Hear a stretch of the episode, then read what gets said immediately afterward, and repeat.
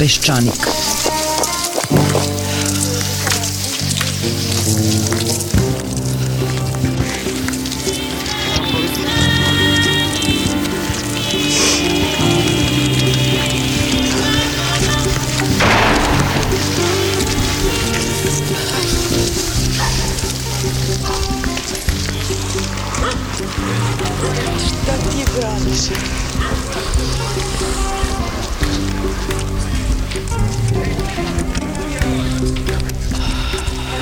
Peščanik.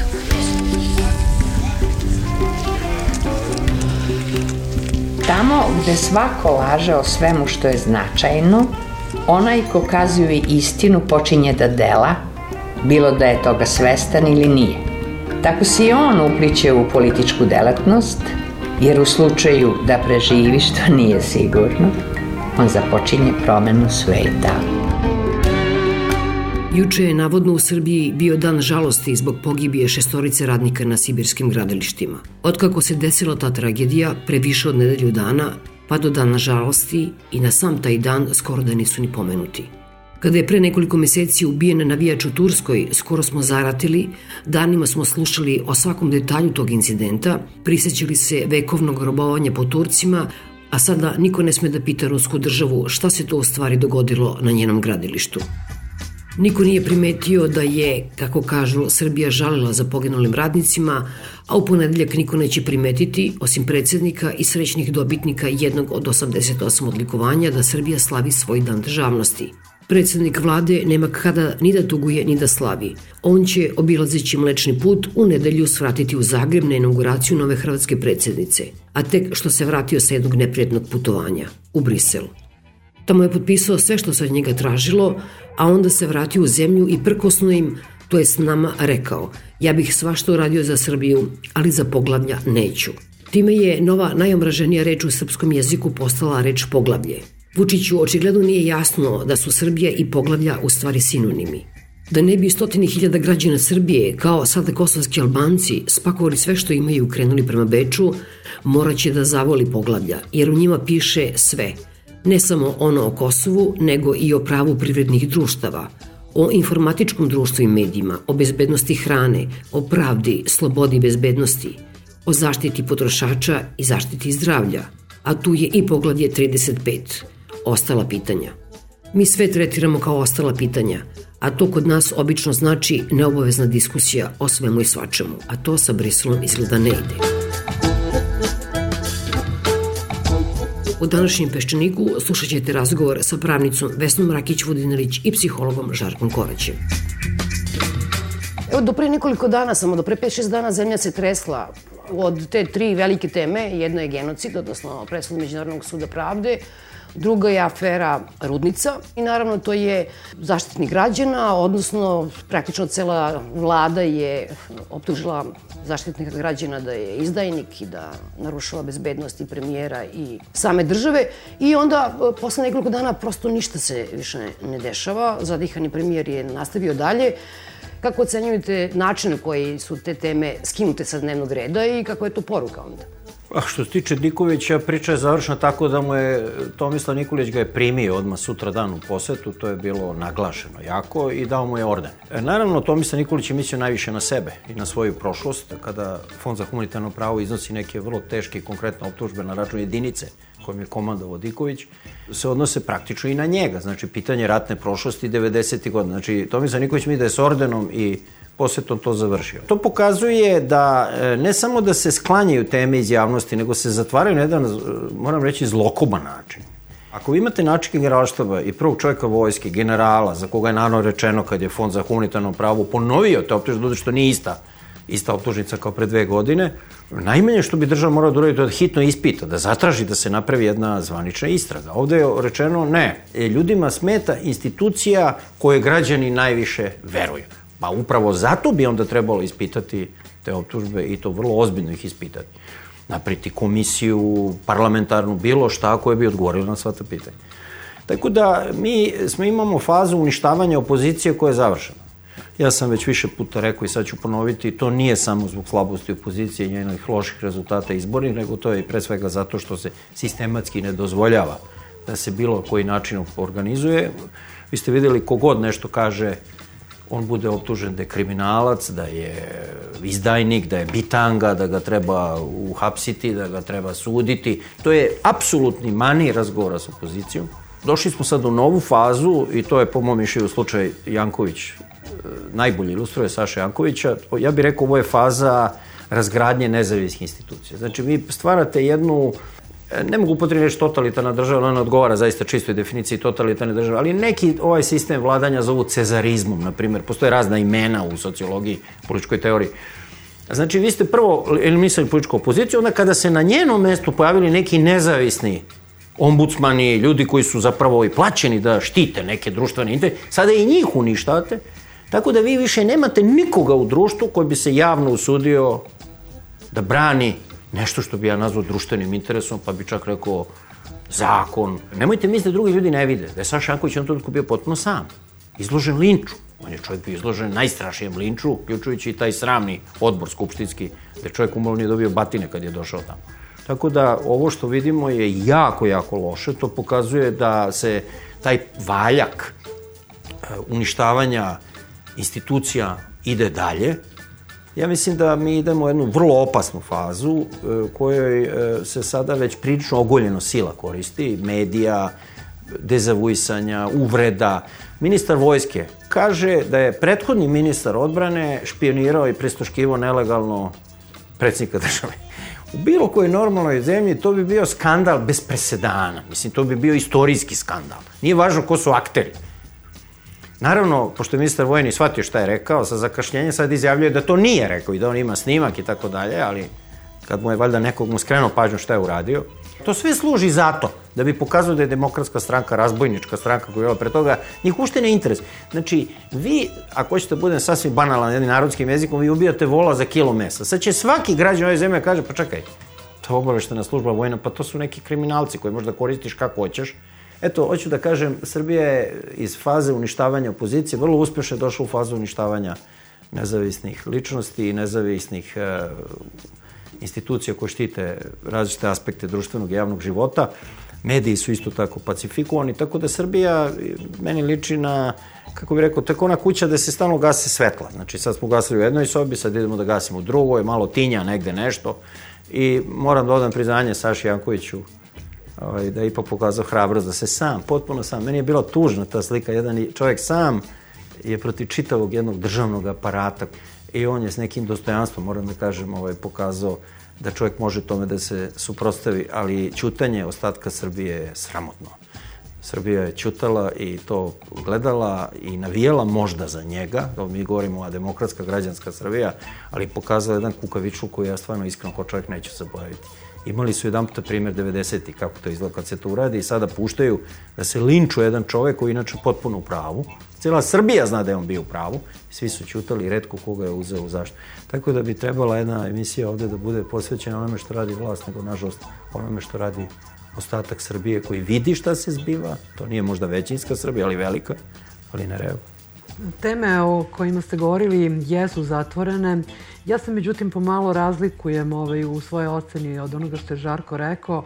One su zatvorene na jedan izuzetno glup način. Pokušat ću da vam dam nekoliko primera iz kojih bi se možda moglo videti zašto tako glupo zatvaranje neće moći, e, tu ću biti optimista, da bude i trajno zatvaranje nekih od ovih tema. E, Naprimer, jedna pravna tema sustiže drugu. Juče, prekriče smo mogli pročitati o tome kako su osnovani e, sudovi na severu Kosova. Kao jednu od velikih dostignuća i svojih velikih pobeda, naši pregovarači na čelu sa premijerom su predstavili to što što će predsednik osnovnog suda ili opštinskog suda, ne znam tačno kako se tamo zovu, biti Srbin i prvo što mi je palo na pamet bilo je da ne treba da bude ni Srbin ni Albanac, nego treba da bude neki dobar pravnik. Ono što nam je ostalo neizrečeno i što leži u suštini te cele stvari i što verovatno neće biti izrečeno skoro, jeste koje zakone će te, ti sudovi da primenjuju. E, ti sudovi će primenjivati po onom briselskom sporazumu zakone Kosova, zvali mi to entitetom entitetom, zvali mi to protektoratom, zvali mi to kako god hoćemo, ali to je tako. Onda vidjeli smo celu tu priču vezanu za šefa generalštaba. On je otprilike rekao, ne znam da li ću ga baš doslovce citirati, da to što on nije sprečavao neke zločine, da su njemu rekli da tako neko krivično delo kod nas ne postoji. I sada mislim da bi bilo vrlo dobro da se on priseti nečega što bi kao šef generalštaba morao znati. Prvo, krivična dela koje se tiču ratnih zločina i zločina protiv civilnog stanovništva postoje ne samo onda kada neko preduzme određenu radnju, nego i kad naredi njeno preduzimanje. Ako čitate taj spis u Rudnici, vidjet ćete da postoji jedna šifra koja glasi otprilike OTŠ, oterati šiptarske teroriste ili tako nekako, a da mi ne znamo šta se iza toga krije. A, takođe, a, postoji a, i postojilo je kod nas još u krivičnom zakoniku SFRJ neki čuveni član 30 koji je govorio o krivičnim delima nečinjenja, o tome kako se određeno krivično delo a, proizvede, tako da kažem, a da ne bude ništa preduzeto. Ili da ne bude preduzeto ono što je moralo biti preduzeto, pa s tim u vezi verujem da gospodin Diković mnogo bolje nego ja poznaje uputstvo koje je 1988. godine objavljeno u službenom listu SFRJ koji govori o obavezama a, oruženih snaga za slučaj rata. To uputstvo je e, tada bilo izdato a, zbog toga što je Srbija, odnosno bivša Jugoslavija, ratifikovala dodatni protokol za ženevske konvencije koji dakle važi pošto je ratifikovan i u Srbiji kao unutrašnje pravo. Tako da on bi ili trebalo da promeni svoje pravne savetodavce ili da malo se upusti u nekako čitanje određenih izvora prava pre nego što tako olako da jednu informaciju i morao bi da zna da informacije koje prima kao šef generalštaba nisu iste kao što će biti one koje će primiti kada to prestane da bude. A niko nije do veka šef generalštaba i nekako mi se čini da postoji u društvu određena struktura, makar kako to društvo bilo razoreno, u kojoj će e, to pitanje, ako ne dođe sada na dnevni red, ipak na neki način, bilo kao rep, bilo iz osvetoljubivosti njegovih kolega, pre svega u nekom trenutku njega zaskočiti. Pa onda šta nam se tu još ovaj, e, dešava e, kada je pravo u pitanju? Videli smo nedavno na koji način je jedan nezavisni, moram da kažem, državni organ. Svi govore o zaštitniku građana kao Saši Jankoviću. To što je on Saša Janković u ovom trenutku ne znači toliko mnogo. Bitno je da je on državni organ. I ako jedan državni organ traži nešto drugog državnog organa, a taj drugi državni organ bio on skupštinski, bilo on izvršni kao što je Ministarstvo odbrane, uzme pa organizuje hajku na njega, onda bi to trebalo da bude nekakav ozbiljan signal. Što se tiče diagnostike signala o kojima je Žarko govorio, tu a, naravno nemam ništa da dodam onome što je on rekao, ali čini mi se da ne treba da budemo previše pesimistični. Uzmite, molim vas, evo sada primer Vojislava Šešelja. A, njegovu situaciju pre nego što je dobrovoljno otišao u zatvor, a, percepciju njega, u to vreme on je bio jedan vrlo moćan političar, zauzimao je vrlo moćne pozicije, pa onda je bio vrlo moćan kao predvodnik nekakve opozicije u to vreme kada je otišao u Hag, pa je onda nekako delovao vrlo moćno iz Haga, a sada jednostavno je bio tema od tri dana. Dakle, celu stvar čini mi se ne treba posmatrati samo sa stanovišta onoga što se sada dešava, nego treba uzeti u obzir i nekakav vremenski tok, koliko će pak to da traje i kada će ove teme koje su na ovaj glup način zatvorene opet biti otvorene, to je drugo pitanje. A glupo je, znate, dati nekom ovaj orden ili neku vr drugu vrstu dekoracije u takvoj situaciji, to ga ne štiti, znate, to može da ga eventualno zaštiti u nekom trenutku, ali u nekoj budućnosti to ne znači ništa, pogotovo ako znate da je samo za ovaj praznik naš predsjednik države pripremio 88 ordena. Dakle, on kao da ništa drugo ne radi, nego se bavi dodelom dekorativnih elemenata i tom vrstom zabave. To nekako ne ostavlja dobar utisak o njemu, bar u mojim očima. Ono što nam je svima upalo u oči, to je orden koji je dobila gospođa Smilja Avramov za naučni rad i doprinos prosveti i tako dalje. Mislim, definitivno nama predsednik eh, Srbije stalno nešto poručuje. Sad, Žarko, što je mislite, u kojoj meri je u koliziji koga sve odlikuje između njega i Aleksandra Vučića, koji se svakog dana nekoliko puta kune u Evropsku uniju i u evropske vrednosti. Pa sad dajte da ja kažem jednu frazu, tu ima dve teorije. Jedna kaže da je to jedna igra korisna za stranku, a druga teorija kaže da je to jedan autentičan sukob. Ja mislim da to jeste autentičan sukob između dvojice, ali on je više liderski sukob. I potpuno jasno da za razliku od Vučića koji ima apsolutnu zaštitu medija, Tomislav Nikolić nema nikakvu zaštitu i svakoga dana imate jedan loš tekst o njemu ili njegove ženi ili sinu, često svoji troje osvanu u tabloidima.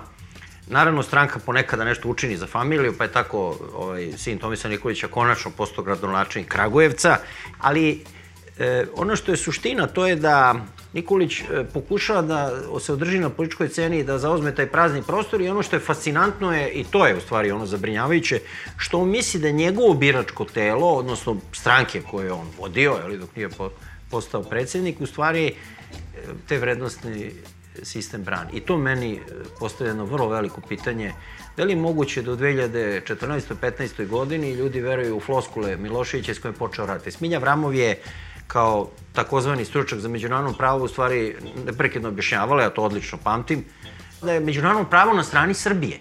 I ona je služila da opravda rad sa stanovišta međunarodnog prava. E tu je sad za mene jedna dilema. Da li je Nikolić u stvari pregazilo ga vreme, nije on tako star čovjek, ali pregazilo ga vreme. On više nema nikakav kontakt sa realnostima Srbije, ili se ja varam i njihovo biračko telo u stvari i dalje misli da smo pravo. Ali ja, za mene je jedna dilema šta je u stvari ono što jedan veliki broj građana Srbije zapravo misli o 90. godina.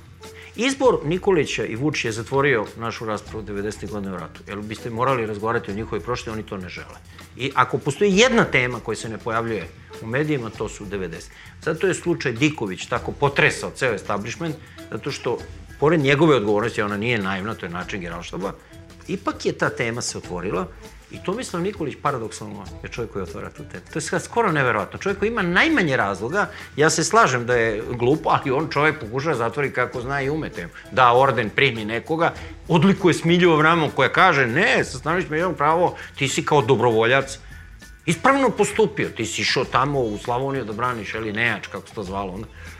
Znači, Srbija se stalno spotiče o vlastitu senku. Ona ne može nikada da jedan jasan... Ona je izborom Nikolića i Vučića zatvorila tu temu i opet joj se ta tema kao jedna pocepana vreća stalno iz nje nešto ispada.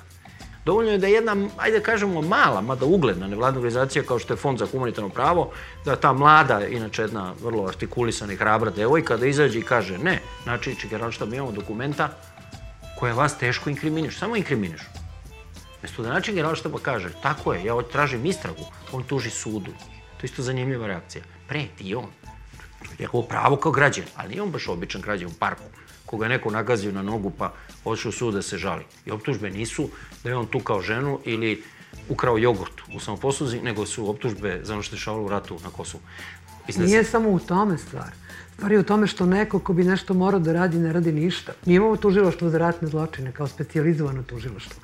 E, oni se nisu oglasili. Ja sam mislio da bi jedna parlamentarna, verovatno i neka druga komisija, to je nezavisno toga i krivična odgovornost, ona bi ipak govorila nešto o tome da li bi bio trenutak da se on, e, kako bi rekao, povuče ili da ode, da privremeno prepusti vođenje igraštava e, njegovom zameniku, jer e, optužbe su strahovite, u stvari, iznesene na njegov račun i one su, kako bi rekao, potpuno otpisane. Ja se slažem, inače, da tužilaštvo ratne zločine moralo da reaguje, ali očigledno nije bilo političke, političke volje ili političke odluke da se tu radi. Ali samo još ovdje, znači, mi stalno imamo sad u jednoj fazi jedne haotične, konfuzne vraćanja 90. godina mrtvi govore na neki način. Ne može se to izbeći. I što duže to Srbija bude odlagala, to će biti teže. Poljska je tek pre nekoliko godina dokumentovano je da u jednom selu su sami seljaci Poljskom zatvorili sve jevre u jednu štalu i sami su ih zapalili, bez Nemaca.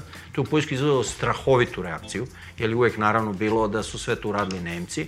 Pazite, to je 50 godina po završetku rata. Mi ovde pričamo o nečemu što je pre 15 godina. Znači, i za 30-40 godina generacija deca koja nisu ni rođene moraće odgovarati na ova pitanja. I to vam pokazuje da Srbija hoće da uđe u Evropu i hoće da se demokratizuje, a neće da progovori o ovome. I ja kad kažem kako može Smilja Vramo da dobije bilo kakav orden, kad je ta politika koju ona pokušala da opravda zločinačka, po mišljenju svakog normalnog čoveka, ona je naravno danas podržava dveri, bila je glavni podržava Srpske radikalne stranke, nemam ja iluzije, to radi naravno profesor Oliver Antić, On ne može sebi da da orden, pa daje prvom pored, pored sebe. Da, meni često ljudi kažu, pa dobro, ti stalno o toj temi, ti si antiratni kao mi, mi smo ili nas troje antiratni, ono bili. Nije tako. I ne može vam biti novinar, puškač, predsednik Skupštinskog odbora, ne može vam biti savjetnik e, predsednika države, profesor pravnog fakulteta, koji je bio, kako bi rekao, glavni apologeta tog rata kasnije za Srpsku radikalnu stranku i za Šešelja, sad se pravi da ne zna Šešelja. Nije postoji ni jedan skup oslobodite Šešelja, Hašku u tamnici da nije govorio profesor Lever Antić. Znači, nema ni jednog skupa, na svakom je bio. Znači, društva koja nemaju stav u najtežim stranicama svoje recentne skorašnje istorije, ne vidim kako mogu da idu u pravu budućnost. Grčka će isto, evo, potpuno je druga analogija ekonomski, ona će otići u tu budućnost kad jednom bude odgovorila na pitanje kako je stigla do ovog duga. Ja imam puno razumevanja za to što Grci kažu mi ne možemo se razvijati kao društvo ovako i oni su u pravu. Ali oni nisu ni jedna put odgovorili kako smo stigli do tačke da imamo e, dug, srpski dug je, evo, ja ću napraviti analogiju, od 15 milijardi, nas je 7, koliko je, nešto miliona, njih je 11, imaju 240 milijardi. Kako se dolazi? Znači, kad odgovore na ta pitanja, kako funkcioniše jedno društvo, jer to im sad nabija, nabija cela Evropa na nas. Znači, dok ne odgovoriš na jedna pitanja, ne može drugo. Ono što bih htela da kažem jeste da ja zaista ne znam od ove dve teorije koji se zaista pominju često u javnosti, da li je to igra ili je to zaista nekakav koncepcijski razlaz. E, mislim da to nije ni važno. E, mene sada interesuje mnogo više šta je iza tih njihovih reči i šta je to ono što je njima oboma zajedničko. Njih mnogo toga spaja osim odnosa prema ratnoj prošlosti. E, pre svega spaja ih e, jedna isprazna pompeznost sa kojom on obojica vrše tu svoju vlast i pojavljuju se u javnosti, naravno svako ima tu nekakav svoj stil. Ne pokazuju nikakvu nameru da doprinose razvoju demokratije u Srbiji. Naprotiv, e, obojica e, pokazuju autoritarne tendencije, tendencije samovolje. Mislim da to Nikolić čini na jedan više teorijski način tako što se divi onima koji samovoljno vrše vlast, kao što je recimo Putin. A ovaj Vučić otvoreno praktikuje autoritarizam i on to uopšte ne skriva, pa onda da li ste vi čuli od, od jednog bilo od drugog da pomenu uopšte a, izraz ljudska prava. Mislim, to što ih spaja na način kako oni to predstavljaju javnosti izgleda da javnost odobrava. E sad, dokle će to moći tako a, da ide, ja verujem da će moći do nekog trenutka kada te teme zbog krčanja stomaka a, prestanu uopšte da budu teme oko kojih se vodi nekakva društvena debata i E, da ćemo onda zapasti u onu situaciju koja se opisuje kao divlje ili neinstitucionalizovano društvo, gde onda vlada pravo jačega. To pravo jačega uvek je e, vrlo često u rukama ono ko vrši vlast. Dakle, pitanje je samo e, hoće li se cela ta njihova koncepcija rastočiti pre nego što autoritarizam i politička samovolja iza koje zapravo ne stoji nikakav politički legitimitet ne prerastu u diktaturu. Da li će dakle to da se desi ili ne. Kažem, samo je pitanje da li će postojati dovoljno snažan otpor ne kod opozicije organizovane, nego kod građana da se tako nešto dogodi. Inače, ja ne mislim samo da se oni vraćaju u 90. po toj nekoj pompi, pogotovo sa kojim se pojavljuje predsednik Republike, oni se vraćaju u vreme od pre drugog svetskog rata i to je taj nekakav uh, pompezni nazadak, nekakvo naduvano propadanje, kako možda ne možete sresti u drugim zemljama ima propadanja, naravno i tekakvog i u našem okruženju, ali čini mi se da se to nigde ne čini sa takvom pompom i sa takvim lažnim i verbalnim entuzijazmom kao što se čini kod nas, pa i sa čistim lažima. Kad se vi ozareni onako nasmejani pojavite pred javnošću i tvrdite da rastu plate i tvrdite da se povećava broj zaposlenih. Da li vlast misli da građani mogu da dele njen entuzijazam i da lete na tim nekim krilima na kojima oni lete? Pa naravno da ne mogu, jer mi ne živimo u istom svetu i to je izgleda odgovor na to pitanje. Oni žive u svom, a mi, nažalost, živimo u nekoj realnosti Srbije koja nije baš tako nasmejana i vedra kao što je njihov служили. Sada je aktuelno, što bi rekla, kako se zove ministarka, 23. 24. ona tako zove ova poglavlja za pristupanje Evropskoj uniji. E sad, često su u stanju da izjave neki politički korektan tekst. To je da nisu u pitanju samo integracije, nego da Srbiju napravimo urednom zemljom. Međutim, ta vest od jutros koja je nestala sa naslovnih strana pod hitno takozvanih mainstream medija jeste činjenica da je zastarao proces protiv Maje Gojković u slučaju autobuske stanice u Vojvodini, ali gle čuda, tu je upetljena naravno njihov visoki funkcioner Igor Mirović, pa gle čuda i otac sadašnjeg gradonačelnika Novog Sada. Odnosno, kad ste vi pomenuli malo čas modus i vendi, ja sam negde pogledala malo te zastarele slučaje, pa to je prosto neverovatno. Jezdimir Vasiljević, to je Kertes, Pakomir. to je Pakomir, Marko Milošević. Marko Milošević, to je onda sad iz Zvonko Veselinović, koji je palio dole ono Jarinje. To je nešto što postoji odavno. Mi imamo a, vi pokrivljene i obične. Ja, da, kada biste vi bili okrivljeni neko krivično delo, budite sigurni da ne bi zastaralo uopšte. Dakle, ovde je nastupila čak apsolutna zastaralo zato što jednostavno proteklo onoliko e, ili duplo više vremena nego što je naj, najviša zaprećena kazna. Dakle, to zastarevanje je bilo svesno učinjeno. Tu nema nikakvih problema, jer neće zastareti e, prema nekom lopovu u autobusu koji je potpuni anonimus, ali hoće prema personama koje su blizu vlasti na ovaj ili onaj način. Bilo tako što je vrše, sada radi se o Maji Gojković koja je predsednica Skupštine. Ono što je naročito zanimljivo jeste što se ta vest pojavila u elektronskom izdanju nekih medija, pa je onda nekako nestala, pa treba da budemo obavešteni. Dakle, imamo e, VIP osumnjičene i ostale. Prema VIP-ovcima to vrlo lepo zastareva i uopšte ne treba tražiti objašnjenje. Mislim, to zastarevanje je samo po sebi kriminalna delatnost. Ja sam imala prilike u nekoj televizijskoj emisiji sa ovaj, ministrom pravde, pa pošto sam malo pala u vatru povodom tih zastarevanja, on, mi, on je meni rekao da ja nisam dobro obaveštena. Pričali smo o nekom pretećem zastarevanju, dakle za zastarevanje za koje će izvesno da će nastupiti za par meseci. Ove prilike, pa vi niste obavešteni, mi u akcijnom planu imamo tu kategoriju preteće zastarelosti. Pa evo sad vidim da izgleda da stvar postoji samo u akcijnom planu i da ne postoji nigde drugde, dakle da je, da je verbalizovana i a, da ne, ne postoji nikakav kontrolni mehanizam koji može da natera sudiju i tužioca da rade svoj posao. A sa druge strane nikakav kontrolni mehanizam koji će dovesti do njihovog razrešenja zato što nisu radili svoj posao. Puzmite samo onaj slučaj sa korupcijom na pravnom fakultetu u Kragujevcu. To će sigurno zastareti, znate. I to pokazuje samo ono čemu sam malo pregovorila. Samovolja i autoritarizam pravne države nema, a prava imamo koliko god hoćete.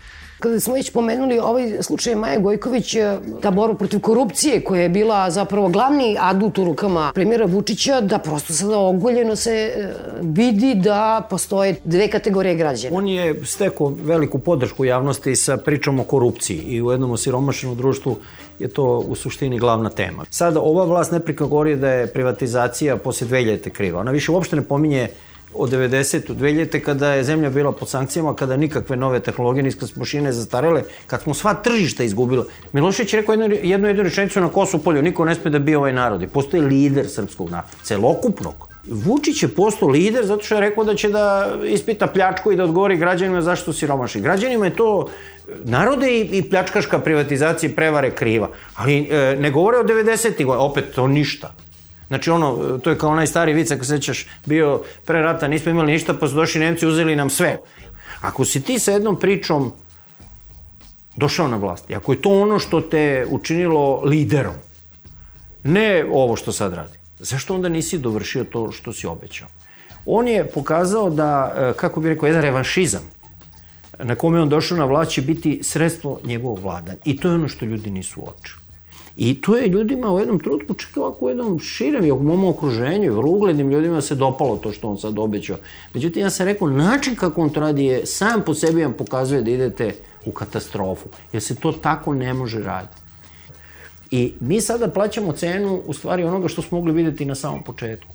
Imate u filmu Eisensteinu kažu da je zbog toga konačno on izgubio glavu to je njegov film o Ivanu Groznom, gde je Stalin na kraju shvatio da je to film o njemu, o njegove paranoje, njegovom ludilu. Imate onu scenu kada narod ide da ga moli da preuzme vlast, imate ta čuvena vizualna scena kad idu s ikonama, sve, oni ga mole.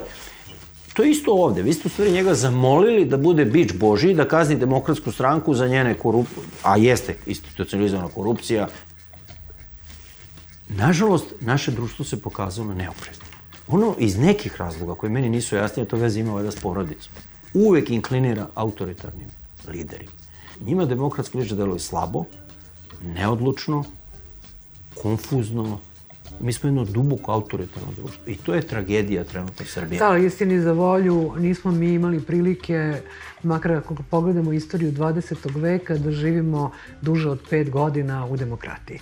Tako da ja ne mislim da je to stvar nekog mentaliteta, to je stvar nepostojanja, dugogodišnjeg nepostojanja demokratskih institucija, demokratija se uči. Ja samo jedno, ja nisam upotrebio reč mentalitet, zato što da. ta reč se izbegava. Ja sam tako razumela. Ne, ne, ja sam rekao struktura porodice, sistem odnosa u društvu, ne mentalitet. To je nešto drugo. Mentalitet je jedna mnogo nejasnija stvar. Srbija je ipak od 804. E, od početka 19. veka ipak imala jedan relativno dug istorijski period da razvije svoje demokratske institucije. Vi ne možete izgovarati na istoriji, na, na sve da je to bilo na agrarno, seljačko, užasno siromašno društvo, na ratove, na sve. sve to ću, ja ću sve to uzeti u obzir.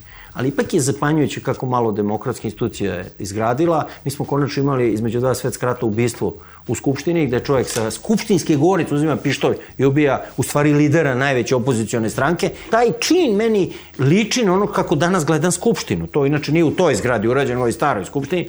Mnogi me to pitaju. Pa još dotle ipak nije došlo. E, ne, ne, ali je ta cijela atmosfera nasilja. Za mene je to jedno dublje pitanje. Da li ti možeš suštinski izražiti demokratske institucije? A da samo društvo, svoje osnovne, znači, jer vas ne zapanjuje to koliko ljudi u Srbiji podržava se tuku deca? Mene te stvari osupnu. To nije politika direktno.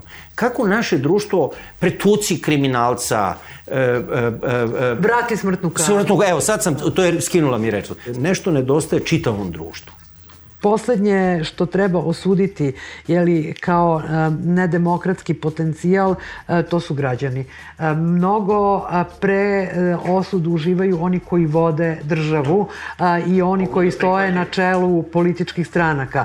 E sad, zašto njih građani kao takve biraju, to je verovatno zato što nemaju bolje. Ili što ne vide bolje. Da se vratimo na to kako je došao Vučić na vlast. On jeste došao sa jednim obećanjem da će slomiti korupciju u Srbiji i da će biti nulta tolerancija na korupciju. Ja sam međutim uverena da je on već u tom trenutku kad je dao to obećanje, makar kako iskreno želeo da bude ta vrsta Eliota Nesa, je bio potpuno svestan da on to neće pri ovakvom stanju stvari moći da učini sve i da hoće da ide do kraja. I u kakvu zamku on sada upada? Videli ste e, da je e, angažovan Blair, e, Alistair Campbell i tako dalje. I sada se tu pred našim građanima da li autentično ili indukovano sa vrha kao centralno pitanje pojavilo pitanje ko će to da plati, što je e, pitanje koje se jednoj siromašnoj zemlji uvek postavlja i onda dobijemo jedno fantastično obrazloženje iz vlade. To plaćaju Ujedinjeni Arapski Emirati na osnovu međudržavnog ugovora koji je a, sa njima zaključen a, i zbog toga što to plaćaju na osnovu međudržavnog ugovora radi se o usluzi za koju ne važi zakon o javnim nabavkama. A sećam se vrlo dobro, a, pogotovo Imaju italijani za to izraz i non ne vero je ben trovato. Da, da, Ako nije istina, ali lepo naravno, zvuči. Dobro ali, zvuči. ali u toj celoj priči, ono što je prvo palo u oči, rekli su međunarodni ugovor je jači od zakona.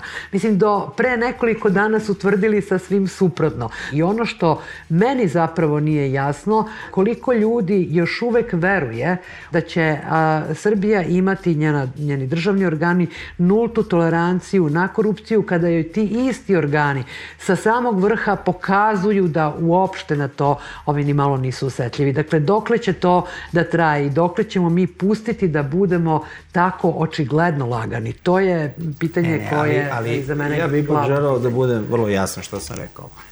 Ne pravi lider narod, nego je narod projektuje lidera. Nije Hitler napravio Nemce nacistima, nego su Nemci već bili nekakvi, pa su izabrali takvog čovjeka koji onda naravno to možda gurno dalje, objedinio i tako dalje. Znači, ja objašnjavam popularnost Vučićevu. Ona upravo počiva na tome što on na senci vlade kaže kuš, čuti, ko ti je dozvolio da pričaš? Jer tako s njima razgovara otac u porodici, tako razgovara profesor u školi, većina, ne svi, naravno, hvala Bogu. I to je jedan sistem odnosa i mi to negde moramo menjati. Ja se bojim takve teze, jer takva teza bi mogla da opravda, recimo za mene, potpuno pogubnu tu, tezu da postoje genocidni narodi i oni drugi. Ne, ne, to, to, to sti, nijedan narod nije genocid. Pa, ne postoje znam, genocid. ali ako, a, ako se ide u ne, to objašnjenje da građani proizvode lidera, onda to meni počinje Čekaj, kako, zašto je Vučić 50% podrške? Izvinite, još uvek ima. teorije. Ma nisu organicističke, nego on je emanacija nečega što bar pola građana ove zemlje. Način njegovog rukovodđa, njegova autoritarnost, to je, nažalost, nešto što treba da se menja, ali se, ja, moje, ono što ja govorim sve vreme, ne znam što nisam razumio, jako teško će se promeniti. Ma naravno. Pa i Tadić je bio autoritaran. I jedan od razloga zašto je Zoran Đinđić bio tako nepopularan. Po meni glavni razlog zato što nije autoritaran bio. Videli ste on kad razgovara s građanom, to je najnormalniji razgovor, da građan mu kaže ti nisi u pravu. A neka neko kaže Vučiću da nije u pravu na nekoj tribini. On viča, on urla na članove svoje vlade. Nikola Pašić, znate šta, on je bio demokrata kad je mogao da bude. Ali Nikola Pašić vam je isto tako bio vrlo autoritaran kad je bio ugrožen. I to mene brine. Ti si u pravu. Đinđić nije bio ni malo autoritaran, svako je mogao da mu skreše u brk šta god hoće nije javno.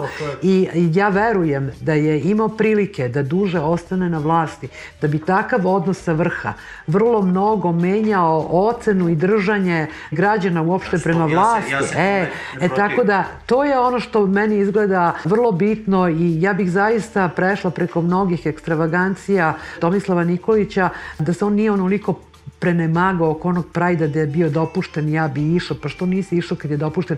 Ajde, idi pa stani tu, znam da nije to njemu verovatno prijetno, to nije njegov svet, to nije njegovo društvo.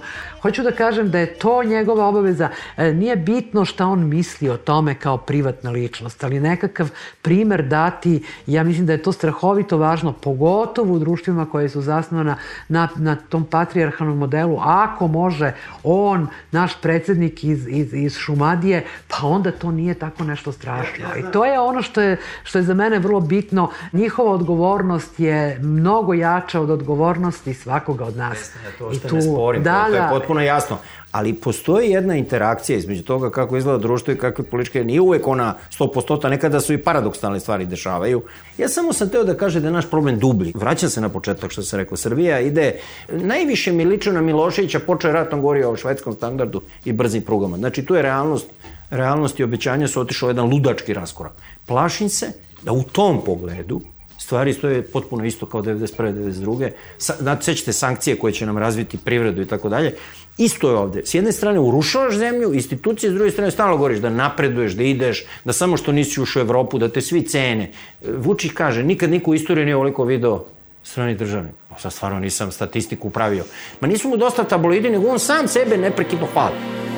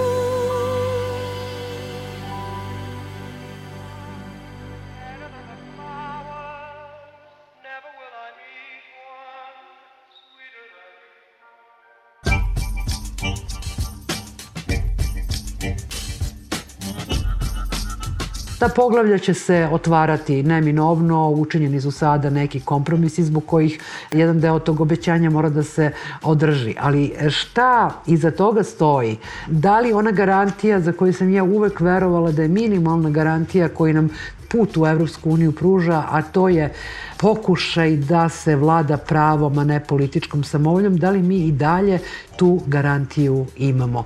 Ja sam videla da su neke evropske institucije podržale ombudsmana u ovoj njegovoj neravnopravnoj, tako da kažem, borbi sa državnom vrhuškom, ali taj glas se nije dovoljno čuo.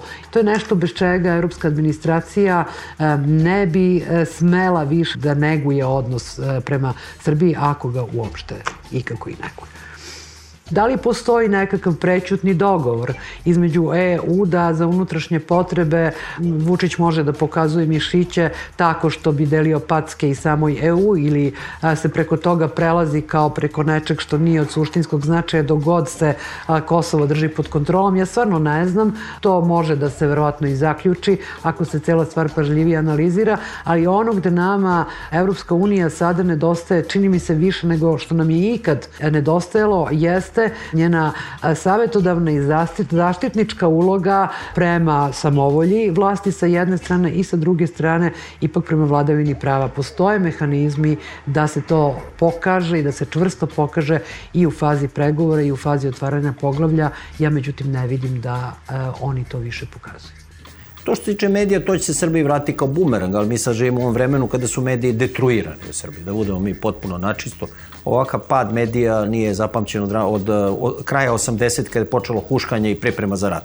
Sada pristoje jednom procesu koji nije možda tako dramatičan, ali je po konsekvencama isti. To je znači tabloidizacija svih medija i, e, kako bi rekao, potpuno prepuštanje često i vrlo sposobnih i pametnih novinara, urednika, da ne usuđuju se nikakav otpor da pruže. E, naprotiv, e, oni šalju svakog dana, negde do pola 12, 12, nema pojma, pola 1, šalju ka, Vučićem kabinetu šta će biti glavne teme sutra u medijima i to radi jedan niz medija, to ceo Beograd zna, to nije nikakvo tajno. Sigurno će e, Evropska unija e, misli da je Kosovo prioritet. I mi stvari plaćamo cenu nerešeno kosovsko pitanje. Zapad to hoće da reši i on to traži od Vučića. I zato Vučiću zapravo, ja mislim da je prava reč, toleriše. Ovo nije po njihovom mišljenju još takav ekces da se ubijaju novinari na ulicama u Americi i ovako. Pa šta da radimo, sada je ovako, ovim se bavimo. Znači, kad ispuniš zahteve briselskog sporazuma, koje si inače potpisao, već si prihvatio, samo ih nisi realizovao, E onda će se otvoriti sva to. Znači, moguće da će se otvoriti ovo stanje u pravosuđu. Ja ću navesti samo jedan primjer zemlje koji se ovde obično ne uzima za primjer, uglavnom, nažalost, se uvijek samo negativno govori, to je Izrael. Izraelsko pravosuđe je nezavisno i vrlo robusno. Trenutno u Izraelu je u zatvoru bivši predsjednik Kacav, gotovo sigurno će otići u zatvor, sada mu se priprema proces bivšem premijeru Olmertu, a upravo je saopšteno da je veoma ozbiljna krivična prijava podnesena protiv vrhovnog aškenarskog rabina, da kažem grubo, odgovara recimo našem patrijarhu u Srbiji. Sad pokušajte da zamislite optuženi za pljačku, da je s tajkunima ne znam šta dogovarao, znači katastrofalno to izgleda. Znači ovako, predsednik je u zatvor, ići premijer u zatvor, ići vrhovni rabin. Da, samo što se pravosuđe ni u jednoj zemlji, pa ni u Izraelu, ni u Srbiji ne meri prema krivičnom pravosuđu. Da, li jedno pravosuđe dobro ili ne, meri se pre svega prema tom tako jednom ideološki potpuno neutralnom pravosuđu kao što je ovaj, građansko pravosuđe. I evo ja sam nedavno čula od jedne moje koleginice koja je sudija vrlo visokog suda o jednom slučaju koji nijedne novine sigurno ne bi zabeležili izuzev kao kuriozitet. Vi znate da kod nas postoji mogućnost zaključenja ugovora o doživotnom izdržavanju. E, ugovor o doživotnom izdržavanju je zaključen između unuka koji je star dve godine i dede koji je star oko 70 godina, pri čemu unuk ima obavezu da izdržava dedu, a ne obrnuto, a unuk će to, po tom ugovoru naravno činiti kroz svoje roditelje. To je jedan način da se zaobiđe zakonski nasledni red, da se zaobiđu ne znam, neki nužni nasledni delovi i da taj unuk nasledi ono što ima od nepokretnosti od svoga dede. I taj ugovor je pobijan i prošao je kroz prvostepeni i kroz drugostepeni sud a da ni jedan sudija, i uopšte ne tvrdim, potpuno sam daleko od toga da tvrdim da su korumpirani, zaista to ne mislim, da ni jedan sud nije tu video ništa a, neobično, znate. To je a, nešto što pokazuje stanje svesti kod velikog broja, dobrog broja sudija u Srbiji. Dakle, formalno je sve u redu, a šta me se tiče suština jednog e, ovaj, pravnog posla. Onda imate recimo zakonodavstvo. Kod nas je u poslednjih e, e, ja mislim od, od juna meseca prošle godine do danas, dakle za vreme ove vlade, doneseno je 30 zakona. Samo jedan od tih 30 zakona nije bio donesen po hitnom postupku, slovima i brojem jedan. Tu nije u pitanju samo nametanje volje te moćne većine koje imamo u Skupštini, nego tu prolazi, prolaze neverovatne gluposti, opet na potpuno ideološki neutralnim stvarima, kao što je recimo, a pošto sam završavala ovaj novo izdanje svoga učbenika, stvarno sam onako bila za zaprepašćena nekim formulacijama i sada imamo recimo zakon o stečaju i reorganizaciji. Evo ja ću vam pročitati jednu zakonsku formulaciju i ja sam je zapisala, pa da vidite sa jezičkog stanovišta, a o smislu nećemo da, da govorimo, smatra se dakle da je reorganizacija ugrožena ako je došlo do negativnog odražavanja na novčane tokove. I sad ja nešto treba da napišem o tome da napišem u učbeniku koji, iz koga treba da uče moji studenti. Ja nisam mogla da napišem ništa drugo, osim da stavim pod navodnice i da postavim znak pitanja šta to znači u jezičkom smislu, šta znači u pravnom smislu i da izrazim ovaj, svoje saosećanje sa sudijom koji takvu jednu normu treba da primeni. Kad se budu otvarala ta poglavlja, ja sam samo rekao, onda će, oni računaju, pa sve će doći na red, Znači, oni prosto misle da te neke bitke mi sami moramo da uradimo ili uz nešto njihove pomoći. Kao što znate, oglasio se, oglasio se port parol ova Gocijančić koja je dobila po nosu, rečeno je da ona nije nivo da komunicira s našim potpisnikom vlade i ministrom svojih poslova, što je jedna ekstremno cinična ova izjava. Mi imamo sada jedan pokušaj autoritarne demokratizacije. U Koštunici ne Paza je zanimljiv, on je počeo izraziti proevropljanin, pa je završio kao potpuni antievropljanin. E, Tadića faza je faza velike obećanja koja su skrahirala e, u realnoj korupciji i užasnim greškama. E, ovo je faza koju nikad do sada nismo imali, ja bih rekao, e, koja bi se mogla nazvati, paradoksalna reč, nasilne, parcijalne evropeizacije. Ali vrlo parcijalne, ne, ove druge stvari su antievropske antireformske. Tako da je ovo jedna faza mnogo antireformskog, mnogo antidemokratskog, da bi se postigo neki veliki reformski i demokratski cilj. Mislim da čak i Vuči da sedi ovde, što ne bi bilo zgodno ili bi bilo, ne znam, bi se do nekle s time složio. Meni je to suprotno duhu demokratije. Ja znam da je cinik Čerčer rekao da je najbolji argument protiv demokratije, e, to je zaista rekao, pet minuta razgovora sa prosečnim glasačem, to je tipičan engleski cinizam, ali bez tog razgovora nema ništa. Nijedna vlada od 2000. godine nije toliko otrala od sebe nevladne organizacije. Sve institucije, praktično svi pojedinci koji su u stvari tvoji saveznici u istinskoj demokratizaciji društva. Jer svaki politička ideja se oslane na nekog nosioca. Vi morate imati nekog, neku grupu ljudi, veću, manju skupinu koja će da nosi tu ideju. Vi ovde imate lidera koji će da vas nosi i ne treba mu uopšte pomoć oni koji su njegovi prirodni saveznici.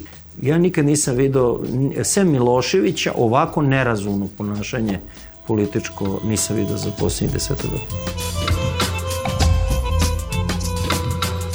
Bio je ovo još jedan peščanik, slušali ste Vesnu Rakić-Vodinelić i Žarka Goraća. Pozdravio se Svetlana Vuković i Svetlana Vukić. Doviđenja.